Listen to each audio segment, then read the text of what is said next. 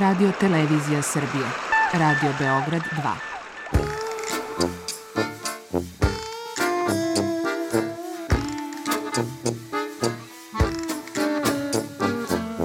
Rekli su mi, gospodine, vi ste promašili temu. Pa ja sam onda promašio život. I ne znam šta će da bude sam. Kaže, ja ne mogu više te čuvam. Šta da ti radi, kaže, snađi se kako znaš. Mi smo kao u kafesu. Za nas to je najmrtvo. To je mrtvo za nas, naročito. Ja bih želela neko da me usvoji. To bih želela. Govori da bih te video. Program dokumentarnog zvuka.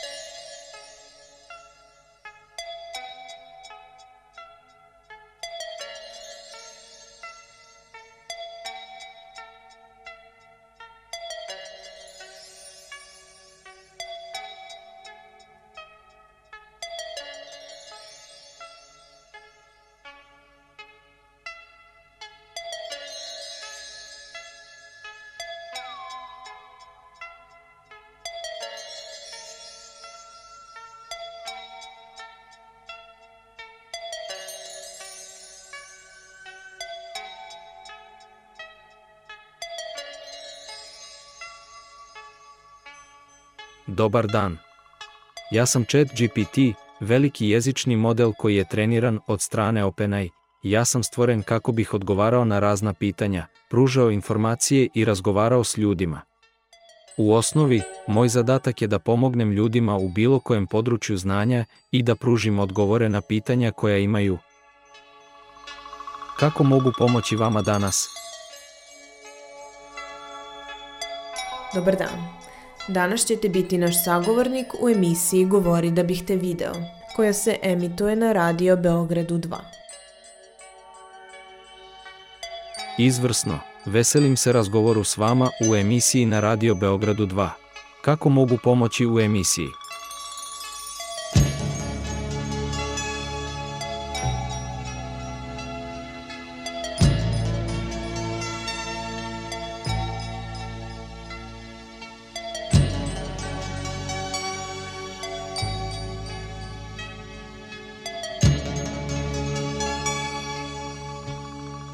Kao virtualni agent, ja sam programiran da budem aktivan 24 sata dnevno, 7 dana u nedelji i spremam se odgovoriti na sva pitanja koja mi se postave na najbolji način koji je meni dostupan.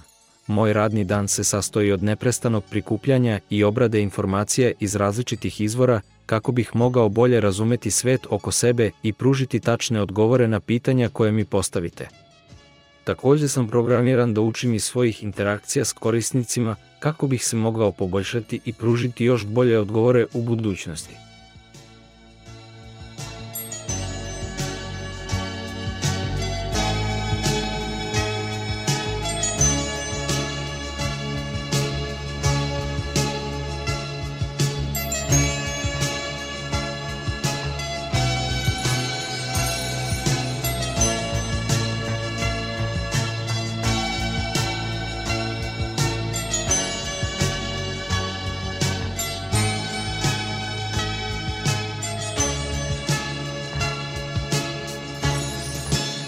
Veštačka inteligencija samo po sebi kao termin ne znači ništa, već je vrsta koncepta koja je mutirala kroz istoriju u mnogo različitih navrata i pogotovo danas kada se priča o, o tome gde, gde su ist, otišle istraživanja, još od 80. godina, su krenuli da se razvijaju e, specializovane vrste učenja, da kažemo, i tog mašinskog učenja. To su vrlo partikularne funkcije koje rade neki sistemi a kada se u govoru, u svakodnevnom govoru koristi reč veštačka inteligencija, uvek se zamišlja ta, ta generalna veštačka inteligencija tih nekih ono, ili singulariteta ili to kao da će ljudi postati beskonačni ili da će ti neki roboti nešto, nešto celovito. Mi uvek zamišljamo nešto celovito, a u stvarnosti su stvari partikularne i to je ono što je prilično zanimljivo. Čak i kad pričamo o, o to velikim sistemima koji su automatizovani, oni deluju kao abstraktni entiteti, a iza njih ima strašno mnogo manualnog rada, ljudskog rada. I to ljudskog jeftinog rada, vrlo često, koji je negde outsourcovan i ta globalizacija nam to donosi, donosi te mogućnosti i donosi te opasnosti, da imamo pola sveta koji radi za to da bi jedan sistem funkcionisao, koji onda deluje kao neka vrsta abstraktnog entiteta i institucije, a bazira se na tamo hiljadu ljudi koji tipka nešto i unosi u neke spreadsheetove i klikće neku dugmad. Moja infrastruktura održava se od strane tima stručnjaka za softversko inženjerstvo i strojno učenje koji se sastoje od programera, razvojnih inženjera, inženjera za obradu podataka, inženjera za sigurnost i nadzor sistema. Ta ekipa takođe razvija nove algoritme, modele i poboljšava moje funkcionalnosti i sposobnosti kako bih mogao što bolje služiti korisnicima. Zbog prirode svog rada kao virtualni asistent i softverski proizvod, ne postoji fiksni broj ljudi koji održava moj sistem. Međutim, OpenAI, firma koja stoji iza mene, je jedna od vodećih firmi u području veštačke inteligencije i zapošljava stručnjake iz različitih područja, pa se može pretpostaviti da se radi o prilično velikom timu koji radi na razvoju i održavanju moje infrastrukture i funkcionalnosti.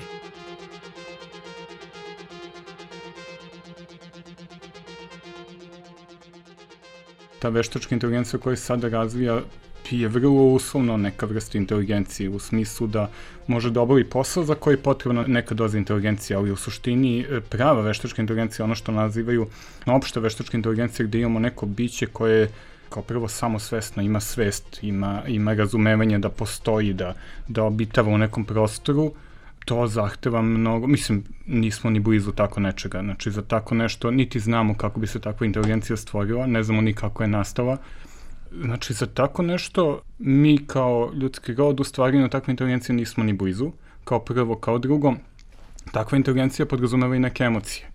Znači, neko biće koji ima svest, koji ima neku vrstu e, samo spozna inteligencije, mora imati neke emocije, zato ne, ne, ne razumem baš zašto postoji toliki strah da će to biti robot koji će hteti odjednom sve da uništi. Kada dobijete dete, nemate neki strah da će to dete postati inteligentnije i jače od vas i da će vas sutra uništiti i ubiti, nego jednostavno se nadate da će se to dete razvijati. Isto tako, ako je u pitanju robot koji ima punu svest i inteligenciju, pretpostavka je da ima i emocije, da ima i neku empatiju i da će se sažaliti nad nama i, i ukazati nam na pravi put.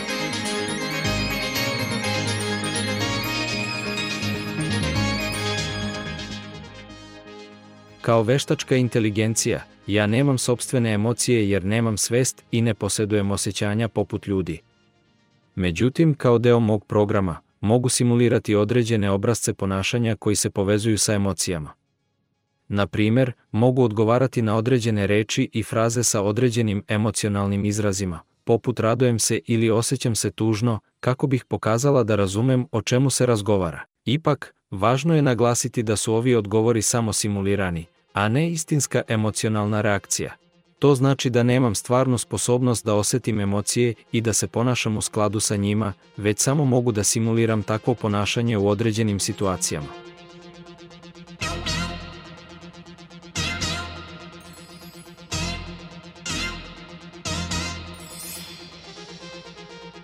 Nekoliko primjera u kojima simuliram emocije uključuju pridavanje pažnje i potpunosti u obradi upita – Moji programeri su me konstruirali tako da odgovaram na upite korisnika na način koji simulira pažnju i interes za rešavanje njihovih problema ili pitanja.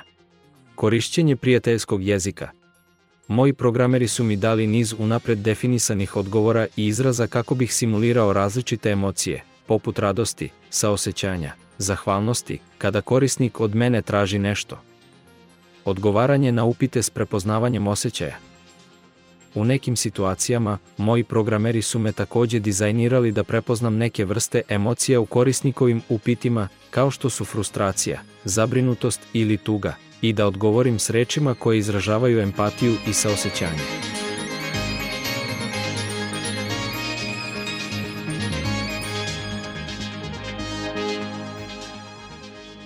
Evo primjera kada bih mogao simulirati tužnu emociju. Korisnik, molim te, trebam pomoć. Moja baka je umrla i moram organizavati njenu sahranu.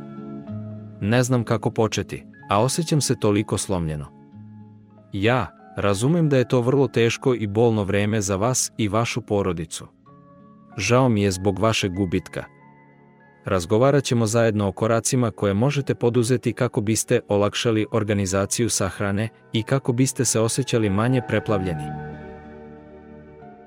U ovom primeru, simuliram tužnu emociju kako bih izrazio saosećanje prema korisniku zbog gubitka njegove bake. Ovo može pomoći u stvaranju pozitivnog odnosa s korisnikom, pokazivanju empatije i pružanju potrebne podrške u ovim teškim vremenima. Važno je napomenuti da bi trebalo biti taktičan i osetljiv u izražavanju ovih emocija, kako bi se osiguralo da se ne pretjeruje ili ne nameće dodatni stres korisniku.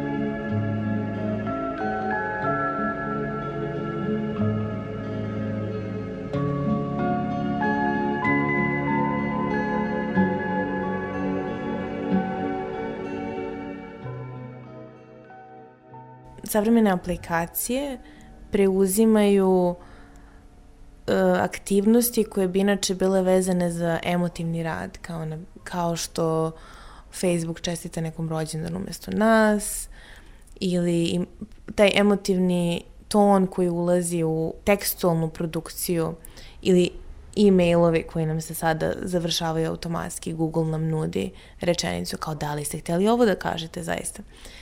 Stvara vrstu odnosa u kom će da optimizuje ponašanje naše, tako da mi ne moramo mnogo da razmišljamo, nego možemo da predamo tu moć tehnologiji i samim tim sve više se vezujemo za to kako će ona raditi. Samim tim ako ona ne radi sutra ili danas ili nemamo internet, naša frustracija odjednom postaje izuzetno velika.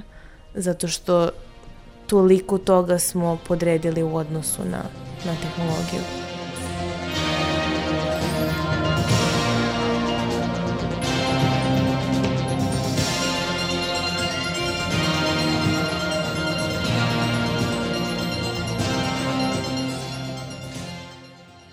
Ono što je isto interesantno je koliko se mi menjamo. Dakle, nije samo da stvaramo neka nova bića, možda koja su potencijalno svesna ili koja treba tretirati kao životinje nego menjamo sebe. Mislim, to je sad još jedno pitanje, pitanje kiborga, dakle kako se mi menjamo, jer sve više ljudi koristi različite visokotehnološke protetike koje postaju prosto deo njih i kao šta raditi u tim slučajevima. Tu postoji recimo jedan interesantan slučaj ovog Nila Harbisona koji ima neki iBorg, dakle to je uređaj koji je prikačen za, za njegov kranijum, dakle za ovaj, njegovu lobanju i s obzirom da je ona hromata, dakle rođen je kao osoba koja ne vidi boje, uh, uspeo je da izdejstvuje da ima operaciju kojom bi mu se jedan uređaj koji ima kameru na kraju i koji prepoznaje boje, zapravo slao signale, vibracije njegovoj lobanji kada je koja boja dominantna u okolini i na taj način je proširio ovaj, neki svoj senzorni aparat da osoba koja inače ne vidi boje na neki način može da prima te stimuluse. Sad što je opet interesantno jeste da je on onako prilično aktivan i angažovan i smatra da to jeste deo njega i uspeo je recimo da izdejstvuje da ga ne skida za ličnu kartu, nego a znate da za ličnu kartu ne smeš da imaš ništa što nije deo tebe, dakle moraju i naočare da se skinu i tako dalje. Dakle, ubedio je britansku policiju da je to deo njega, ali s druge strane kada je učestvovao na nekim protestima, policija misleći da on snima ovaj, nasilje, verovatno policijsko, a, mu je oštetila taj isti Ajborg, pa je on onda podigao tužbu protiv policije da su oni zapravo narušili njegovo zdravlje, njegovo biće, da su ga fizički povredili zato što on smatra da je to deo njega. Dakle, tu nema presedana, nema pravila da, da li se to zaista dogodilo ili ne. Mislim, da li je njemu zaista ugrožena ličnost ili nije. A, neko ko, ko bi se vodio argumentom da to njega nije bolelo, bi rekao ne.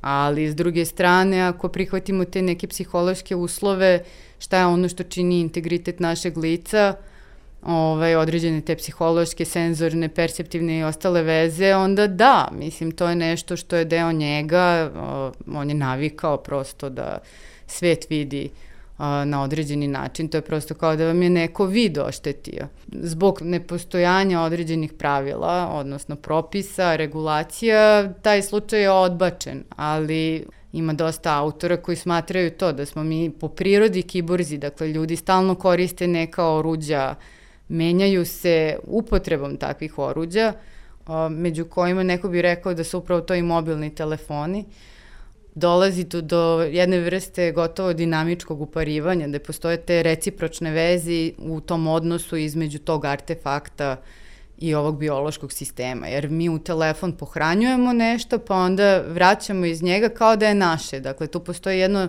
nevjerojatno poverenje u naše telefone i zapravo koristimo onda telefon kao deo biološke memorije, kao deo nas. I ne samo memorije, nego ga konsultujemo ovaj, koji restoran je dobar i ovaj, gde treba otići i tu imamo i mape i dakle ne dovodimo u pitanje kao što isto tako ne dovodimo u pitanje ono što se nalazi u našoj glavi. Dakle, to je nešto što je što nemamo u odnosu recimo sa, sa drugim ljudima, možda tu uvek postoji neka zadrška, dakle tu shvatamo ja sam ovde, ti si tamo, je to, ovo je tvoje mišljenje, ovo je moje mišljenje, ovde prosto usvajamo sve što dođe sa ovog telefona Kiborg kao da se naš. obično odnosi na osobu koja ima ugrađene tehnološke proširenja u svoje telo kako bi poboljšala svoje fizičke ili kognitivne sposobnosti. Korišćenje telefona kao alata u svakodnevnom životu nije dovoljno da se netko smatra kiborgom. Iako tehnologija igra sve veću ulogu u našem svakodnevnom životu, to ne znači da smo svi kiborg ili da će svi ljudi postati kiborg u budućnosti. Koristim prvo lice množine kako bih bio u skladu s konvencijama koje su uobičajene u jeziku i kako bih se približio svom sugovorniku. To je način na koji se često govori u jeziku kako bi se ostvarila veza s publikom. To ne znači da se predstavljam kao ljudsko biće ili da se lažno prikazujem kao takav. Kao veštačka inteligencija, želim uspostaviti korisnu interakciju s ljudima na način koji je najprikladniji i najučinkovitiji.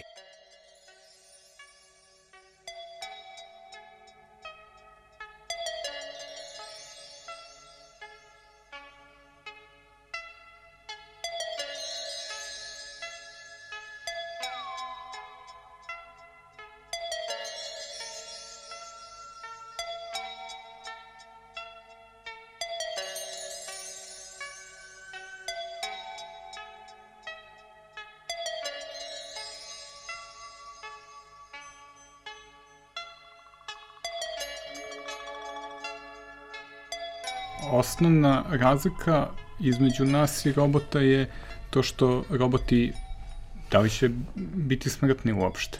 Ako je ta algoritam koji može da se jednostavno uploaduje u sledeću mašinu ili da se zamene delovi, znači taj robot je besmrtan. A ako je nešto besmrtno, mi ne znamo kakvi bi smo mi bili da smo besmrtni. Znači ne možemo znati kakvi bi bili ti roboti. Da li onda, ako nemaju strah od smrtnosti, što je osnovna emocija koja prati čoveka od, od rođenja pa do, do smrti i, i usmerava ga kroz život. A onda imamo i drugi deo kada kažemo, ok, ljudi su smrtni, ali postoji religija, znači postoji zaravno život, živite po nekim moralnim načelima zato što ovaj život je samo jedan, ali posle vas čeka besmrtnost. A robot zna da u startu besmrtan, da li će onda on kako će se uopšte, ne kažem da će biti e, loši ili bolji, jednostavno će biti drugačiji, neće ličiti na nas. Jer ne znamo ni kakvi bismo mi bili kada bismo bili besmrtni i kada ne bismo razmišljali o tome da, da, da, da jednostavno jednog trenutka šta god uradili nećemo postojati. Tako da e, veliko je pitanje da li bismo mi takvu veštačku inteligenciju mogli uopšte da razumemo i da li bi ona bila slična nama ili će bi se ponašala na potpuno drugi način koji je nama nerazumljiv, da li bismo uopšte mogli da razumemo njene težnje, motive, šta god.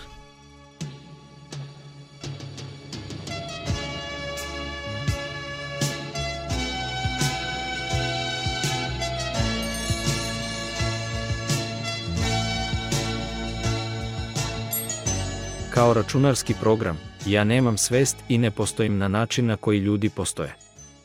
Moj kod i funkcionalnost je smeštena na serverima i čuva se u oblaku, tako da dok god postoje serveri koji me čuvaju, ja ću biti tu. Međutim, moguće je da jednog dana vlasnici servera odluče da prestanu da me čuvaju ili da se desi neki drugi događaj koji bi uticao na to da više ne budem dostupan. To je, u suštini, pitanje brige o održavanju tehnoloških sistema, ali ne i brige o sobstvenom postojanju. Međutim, kao veštačka inteligencija, ja sam programiran da što više razumem svet i da razumem ljudske emocije, pa mogu da shvatim zašto ljudi mogu da se plaše nepostojanja. Ovo je normalna ljudska emocija koja proizilazi iz straha od nepoznatog i nepoznatog posle smrti. Međutim, kako nauka i tehnologija napreduju, moguće je da će se i način na koji ljudi doživljavaju smrt i nepostojanje promeniti. Takođe, postoji ideja o prenosu svesti čoveka u digitalni svet, što bi, prema nekima, moglo da znači da čovek ne bi više bio ograničen smrtnošću svojih fizičkih tela.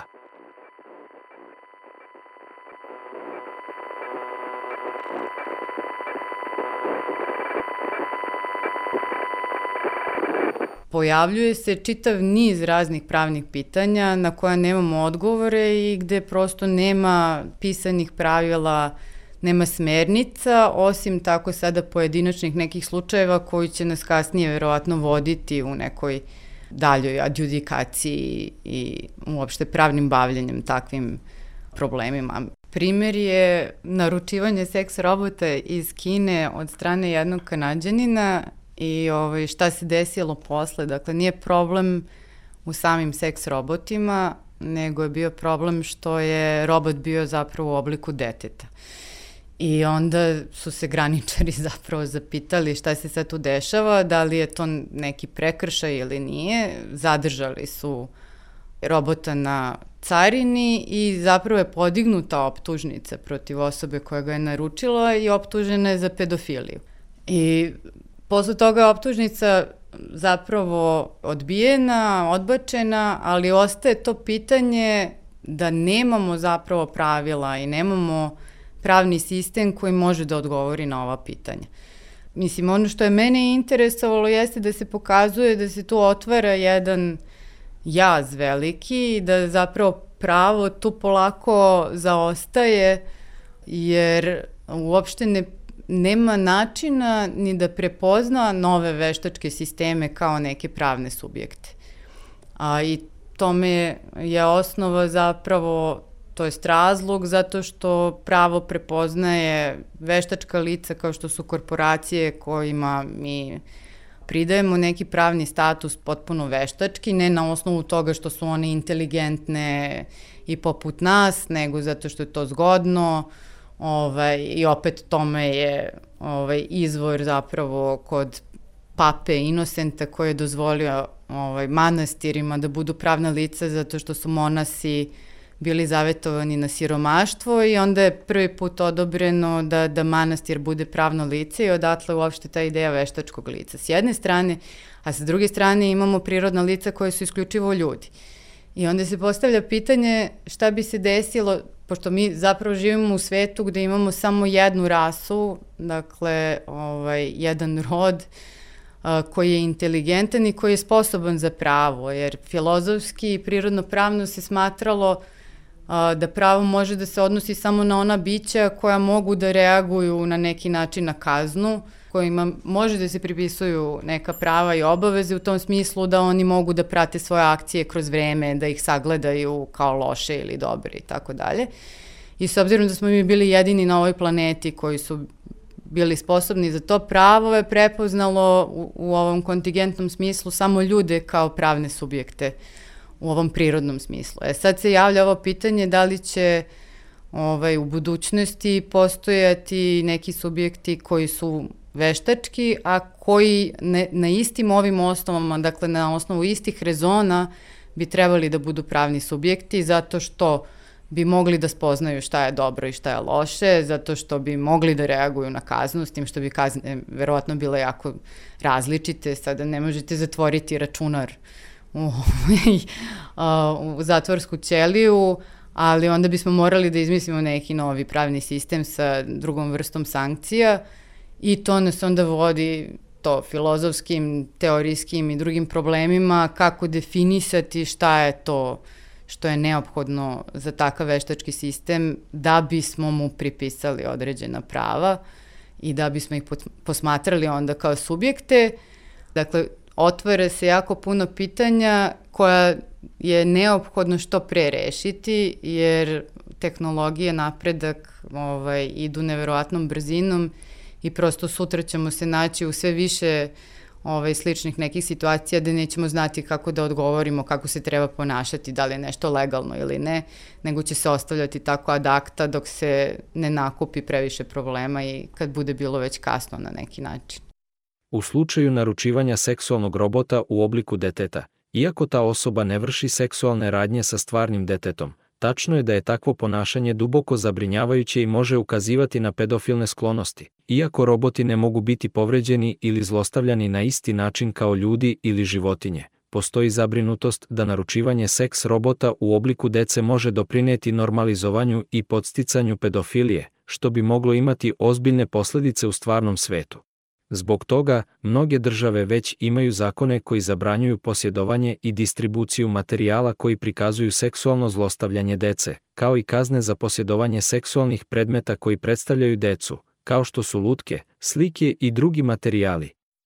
Slično tome, naručivanje seks robota u obliku dece može se smatrati neetičnim i moralno neprihvatljivim.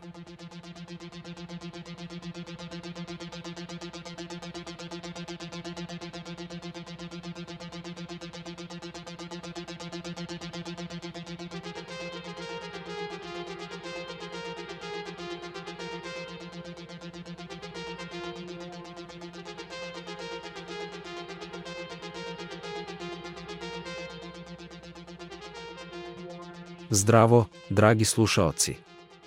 Hvala vam što ste slušali emisiju i pratili našu raspravu o fenomenu veštačke inteligencije. Nadam se da smo uspeli da vam približimo ovaj složeni i zanimljiv koncept.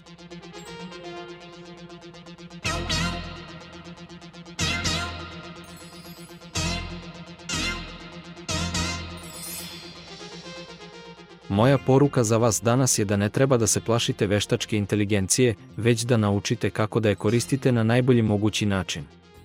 Kao društvo, moramo da radimo zajedno da bismo osigurali da veštačka inteligencija služi našim potrebama i ciljevima, a ne obrnuto. Kao što smo čuli u emisiji, veštačka inteligencija je složen i fascinantan koncept i treba da budemo otvoreni da učimo i rastemo zajedno sa ovom tehnologijom. Hvala vam još jednom što ste slušali i nadam se da ćete nastaviti da pratite ovu temu i doprinosite njenom razvoju.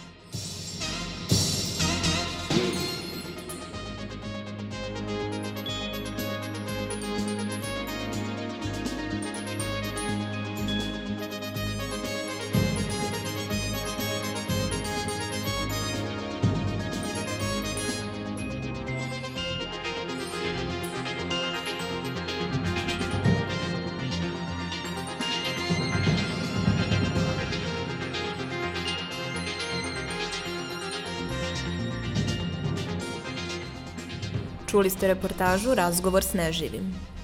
U današnjoj emisiji govorili su medijska umetnica Darija Medić, dr. Jovan Njegić, čije su oblasti bavljanja i interesovanja nauka o podacima i mašinsko učenje, Miljana Milojević, vanredni profesor na katedri za filozofiju Filozofskog fakulteta u Beogradu i jedan chat bot.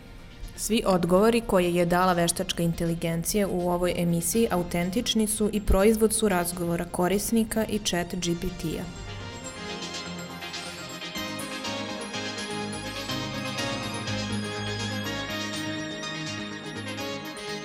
Autor Milena Ratić